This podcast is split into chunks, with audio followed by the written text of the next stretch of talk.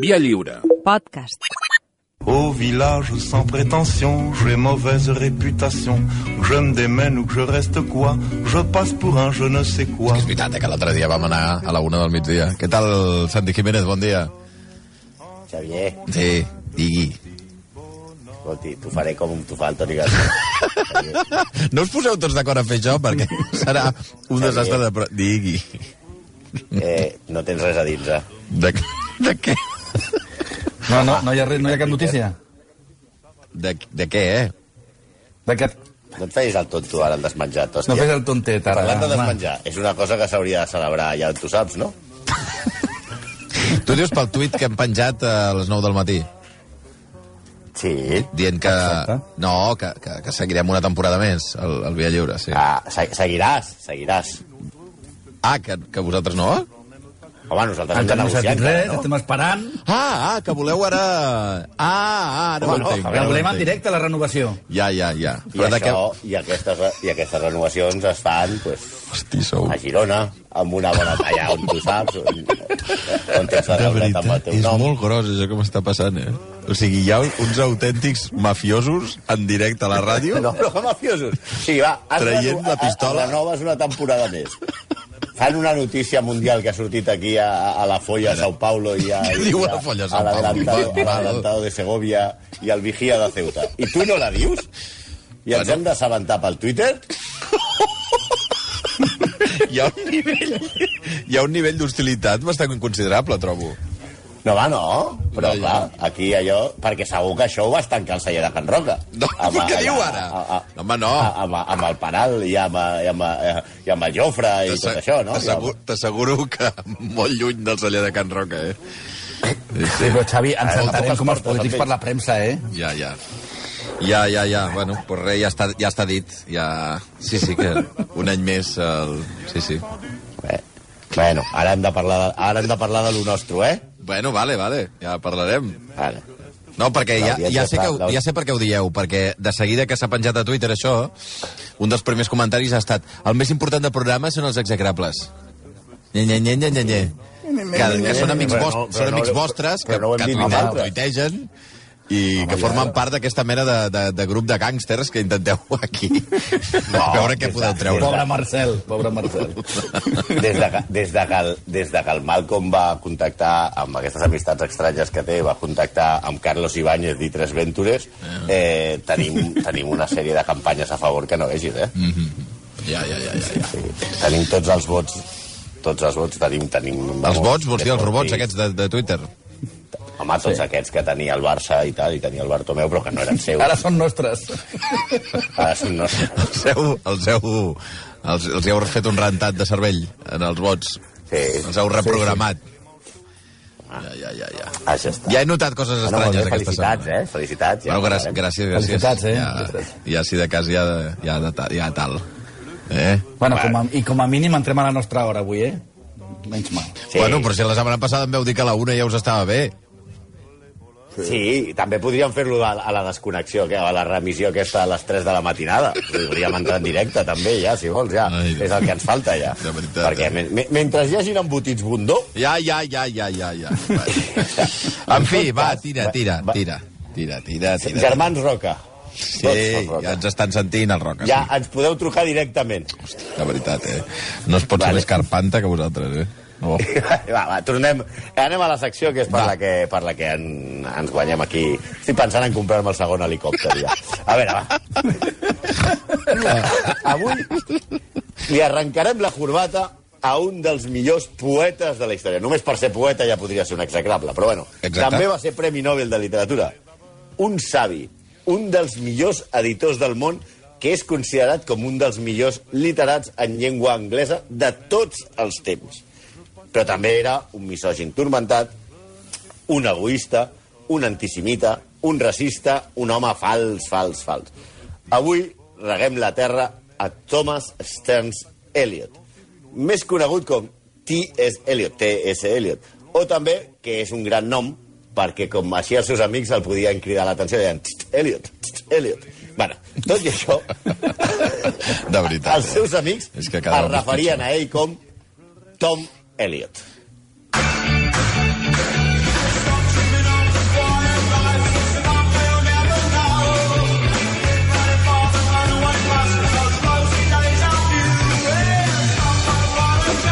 Això què és? Perdona, eh? És que ara em sona molt... Clar, que, clar això, és, això és la la pel·li Billy Elliot. Sí, però quina cançó és? No ho saps, no?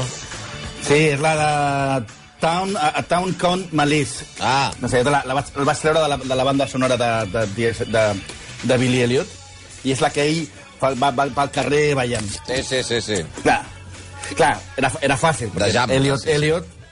Sí, sí. Per cert, per, per, per escollir la cançó em vaig veure diverses escenes de Billy Elliot. Sí. Que, com vaig plorar, nen, com vaig plorar ahir. Mirant, mirant trossets de Billy Elliot. Bé, seguim amb Elliot. Per començar, això del TS, que és com a les pel·lícules americanes, no? que es diuen coses com CJ, ¿no? ¿Qué, CJ? ¿Damos una vuelta en mi Mustang? Exacte. Doncs, en lloc de posar-se Thomas Elliot, no, es va posar TS. I moltes vegades ho posen sense punts, que sembla que es digui Zeliot. Zeliot. Si la, si la setmana És passada... una botiga de roba. La ca... Bueno, perdó, perdó, perdó, perdó, perdó. perdó, perdó. Ja És molt bona aquesta, Ah, eh? Ja està. Si la setmana passada, la que ens va fer esperar, que gairebé sortim en Sebastià Darbó, eh, Oh. van fer.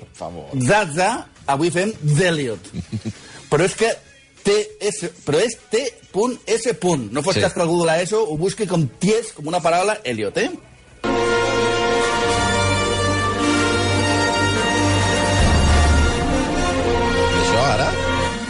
Això és... Eh, seguim amb Elliot. En aquest cas, Elliot Ness. Ai, per favor, va, tu. Va, us sortiran tots els Elliot, ja t'aviso que sortiran to tots els Elliot. També és veritat que, perquè els de l'ESO s'aclarin, TS Elliot és com si jugués a l'espanyol i es digués RDT. Sí, s'ha posat, el, s'ha s'ha posat a les inicials, ¿vale?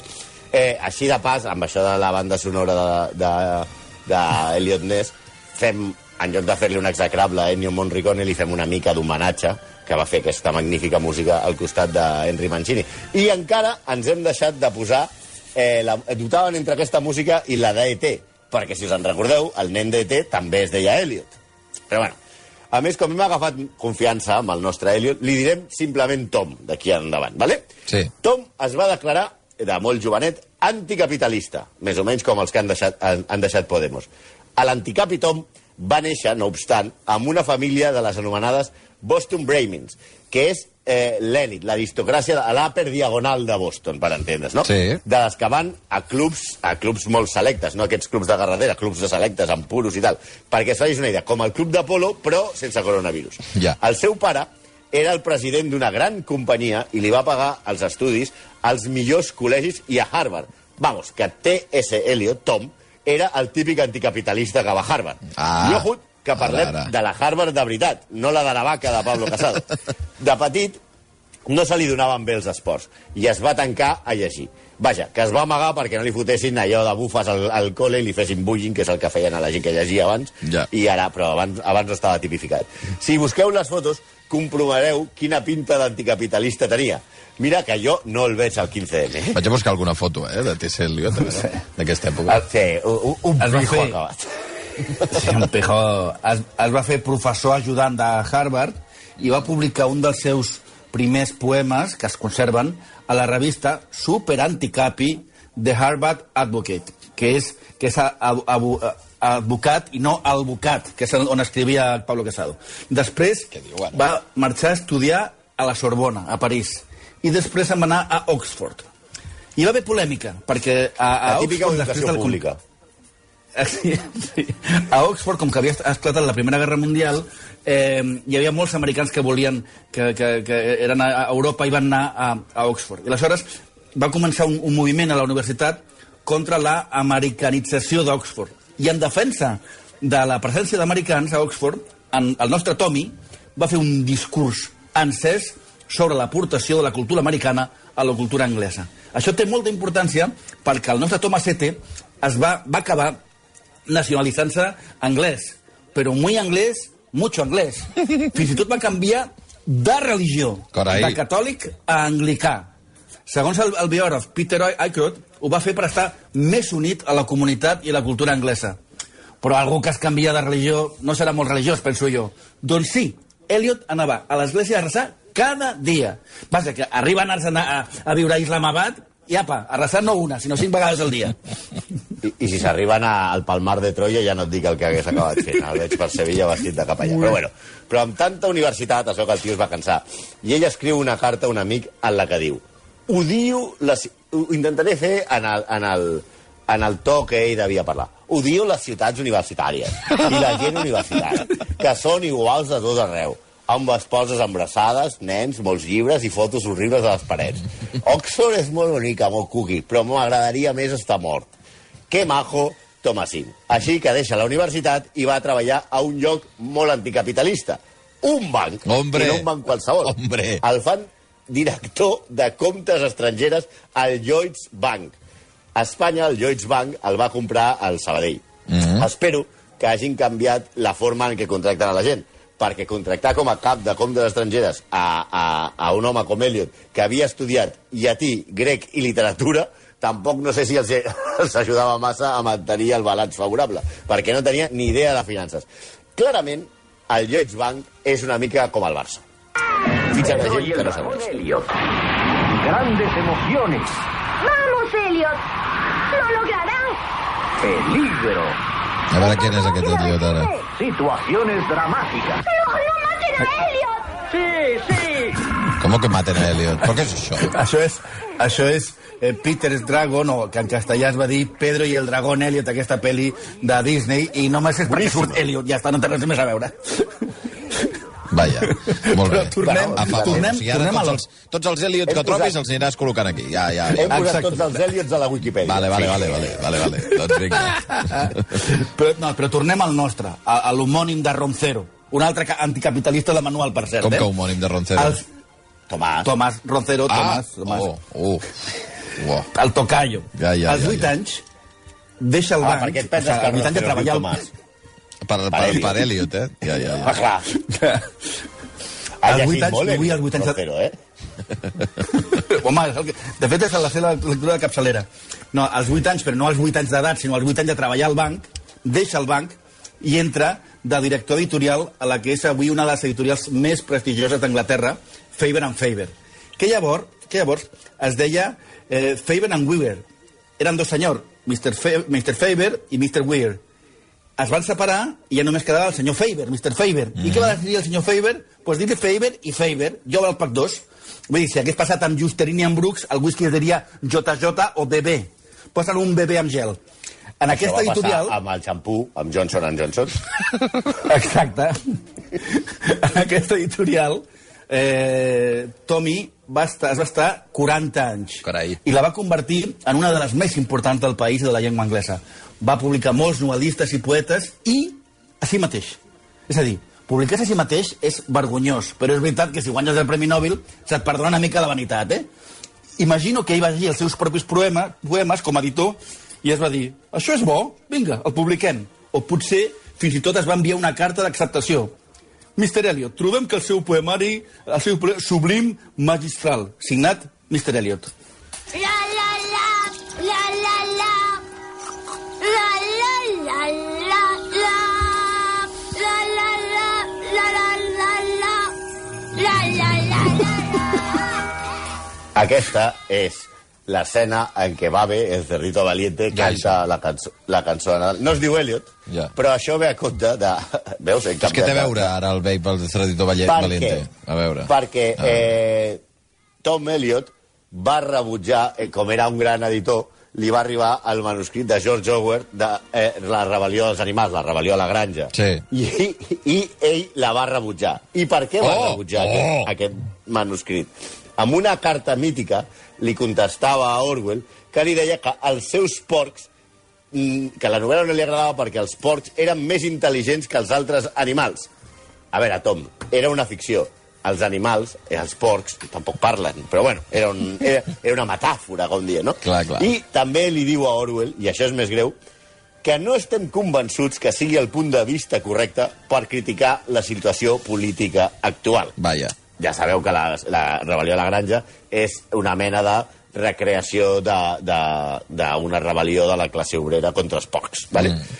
També acusa a, a Orwell de trotskista pel dibuix, per, per la situació i per com dibuixa els porcs, perquè el porc suposadament seria Stalin. És a dir, no publica una de les obres més emblemàtiques i més, i, i, més, i més grans i més influents de la literatura universal, aquesta de George Orwell, perquè no li convenç l'orientació política antiestalinista.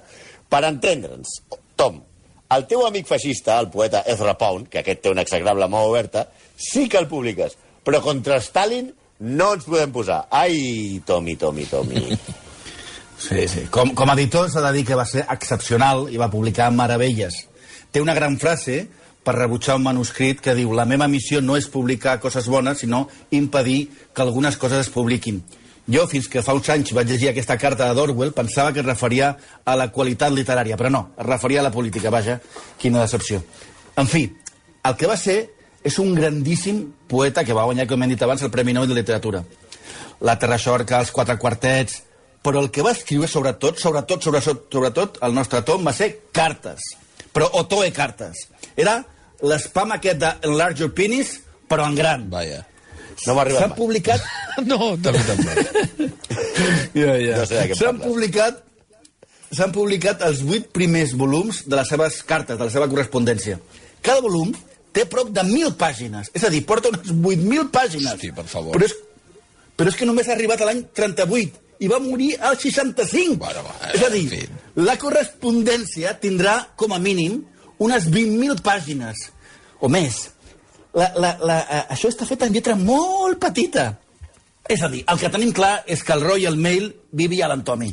Do you know how to go to the heavy side layer? A veure, ara. Espera't, eh? A veure, això què és? Aquesta no? Eh? No, no sé què és, això. Com que no saps què és? No, no sé què és. Té pinta de musical i no sé Home, què. clar, és Cats, Ah, és Cats. No l'he vist. aquesta horterada de, de, de, de gentussa ballant disfressada de gat, pintada com un monigote, Però aquesta cosa horrible. Horrible! Bueno, que van fer cursi fins a no poder més, de Cats allà un moment a la cueta, es va fer la pel·lícula fa poc i fins, al, fins que no van fer la pel·lícula la gent no es va donar de l'horror que és Cats, no?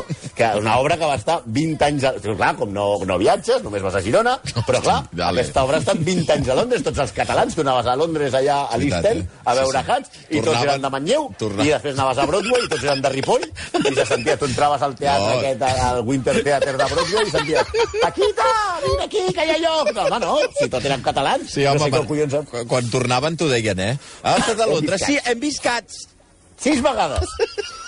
Ja, sis vegades hem vist Cats. I 16.000 funcions. I literalment milions d'espectadors. I tots catalans. Els han vist més catalans que, que, que és, és els pastorets que, eh, moderns. Devien haver-hi missatges molt, molt concrets des del, des del món de, de, en fi, del, del West End cap a, cap a Barcelona, cap als catalans, perquè hi anessin, eh, en fi, perquè sabien que un percentatge aproximadament d'un 20 o un 30% de, dels espectadors anuals eren catalans, sí, sí.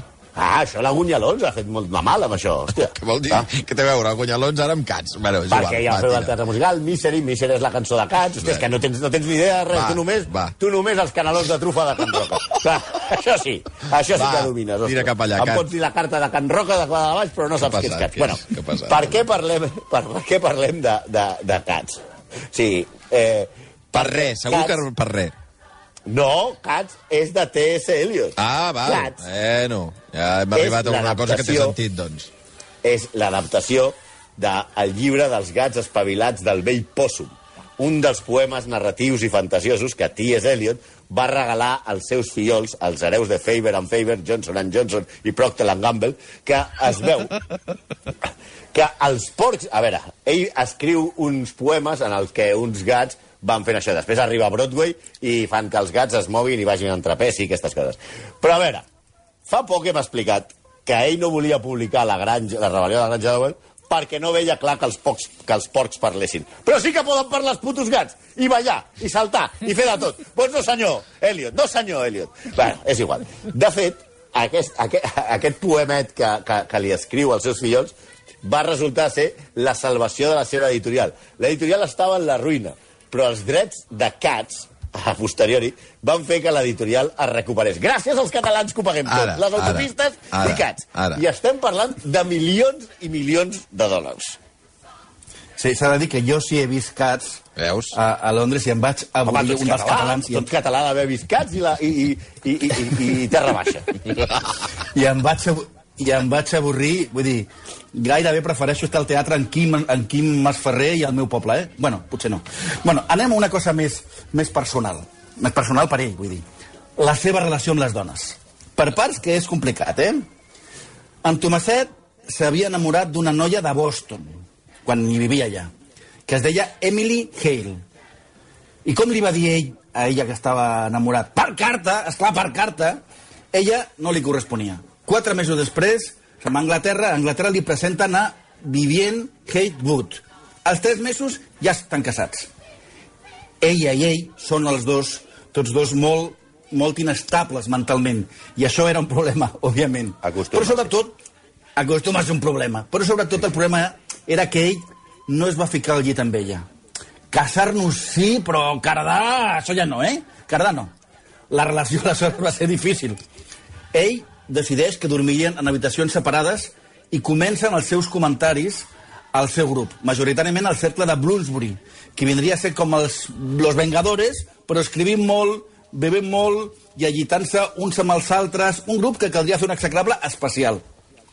Un dels primers comentaris que fa és no puc imaginar afaitar-me en presència de la meva dona. Molt romàntic, eh? Molt romàntic. Feia coses com... D'hòstia, broma oberta, eh? Feia coses com no respondre-li a ella quan ella li preguntava davant dels seus amics. Es quedava callat. Carai. Uns anys més tard, uns anys més tard, es va confirmar com anglicà i ja no es podia divorciar. Llavors va fer un vot de castedat. Tu imagina't que estàs casat i el teu marit fa un vot de castedat. Ella, eh, desesperada, es va enllitar, vull dir, ajuntament carnal, una vegada, Follar. una vegada en... Follar, follar. Va, amb vinga. Bertrand Russell. I ell, en Thomas, El es va enfadar moltíssim. Es va enfadar moltíssim. Segurament, això, és- això és tret, eh? segurament va ser l'única l'única vegada que ella va tenir sexe, l'única relació sexual que ella va tenir amb algú. Quatre anys després de, de, de fer el seu vot de castetat... Escolta, sabeu què és un vot de castetat, no? Bueno. Si pas de l'ESO és no, no follar, Sí. sí. i pas de l'EGB, els que van fer l'EGB, és el de sempre. Sí, no follar també. Però, va marxar a, als Estats Units i des d'allí li va enviar, què li va enviar? Una carta en la que deia que es separava. Ah, mira. Va, vale. Covard, perquè ho fa eh, així des de la llunyania. Diu, per cert, eh, que, que ja no estem més junts, no? I per què no hi, hauria, tornar a per què no hi havia WhatsApp, que si no... Clar, i si no li envia per fax, però clar, o sigui, tu imagina't, ell se'n va, eh, no la toca. Des dels Estats Units li envia una carta en què li diu allò amb lletra petita, petita, petita, petita, i un postdata, per cert, estem separats. I aleshores el, tia, el tio després torna a, a, a Londres, i en torna a Anglaterra, ell es va amagant per no trobar-se a la seva No dona. fotis. Clar, ella el buscava, i, i o sigui, anava sempre allò on ell anava a dinar, on anava a prendre cafè, o, o, o on anava allò al club i tal, perquè ell realment era, era un home ja bastant conegut i bastant famós. I ella no va poder esbrinar on, on vivia. O sigui, va tallar totalment el contacte. I, clar, on el podia trobar? A Faber and Faber, Johnson Johnson, Procter Gamble, Rolls Royce. Allà, ella anava sempre a buscar-lo, perquè era l'editor i era el jefe. I era un dels pocs editors que podies trobar al seu despatx, cosa que no passa amb la majoria dels editors, que sempre estan al jardineto. Hombre. Bueno, en, en tot cas, ell, ell anava ja a la- a, a, a l'editorial i cada vegada que ell apareixia per la porta preguntant per ell, la secretària tocava el timbre d'una manera especial amb un codi que tenia eh, pactat amb, amb, amb, amb, el- amb, el- amb Elliot perquè ell sabés que la seva dona acabava d'entrar per la porta. I aleshores ell fotia el camp per l'escala d'incendis. Vale. Que, evidentment, aquesta dona va acabar malament. La separació la va trasbalsar, va acabar embogint i va morir finalment amb un asil amb una sobredosi deliberada. Es va automedicar a saco i, i va acabar palmant. Molts anys després, Tomasín, amb una altra carta, deia que Ja, la seva relació amb la seva dona deia això. Cometes. Vaig arribar a persuadir-me que estava enamorat de Vivian simplement perquè volia cremar els meus vaixells i comprometre'm a quedar-me a Anglaterra. Molt bonic, Tom. O sigui, a veure, no fa falta que li, li putegis la vida a aquesta dona. Queda't a viure a Anglaterra i ja està. No cal que li facis la vida impossible pelota. a aquesta dona. Sí, però en aquest viatge als Estats Units, on li va enviar la carta, eh, va, intentar, va tornar a intentar-ho amb Emily Hale. I aquesta vegada sí la, va con, sí, sí la va conquistar. La seva relació va ser també asexual, però ella va viatjar amb ell a Anglaterra. Els seus amics no la suportaven, però ella estava convençuda de ser, diguem-ne, la cap de llista per ser la pròxima senyora Elliot. Però quan va morir Vivian, li va dir a Emily que l'estimava, però no tant com per casar-se.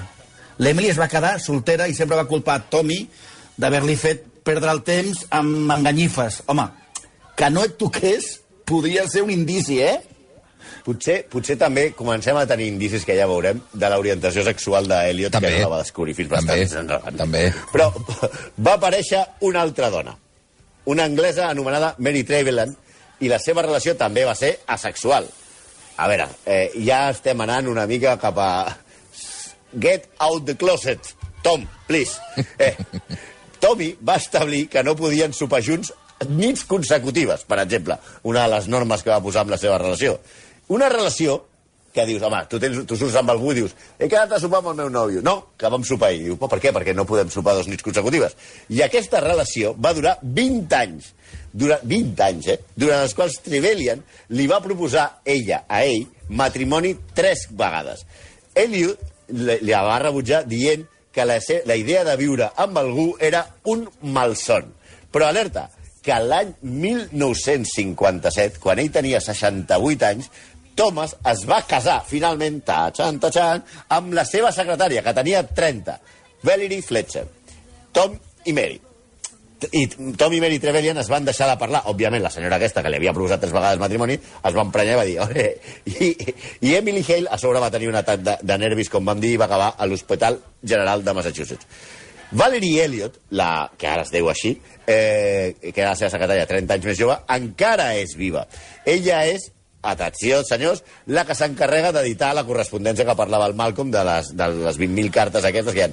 I gràcies a què? És milionària, gràcies a què? Gràcies a Cats perquè la tia viu com una reina gràcies a haver-se casat amb un senyor de 68 anys que va escriure l'obra aquesta de teatre que va tota la gent de Panadella, de la Panadella a veure-la.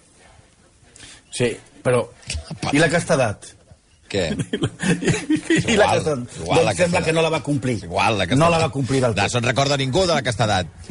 Castedat, què és la castedat? doncs sembla que no la va complir del tot Oh, i va tenir algunes relacions, però amb homes.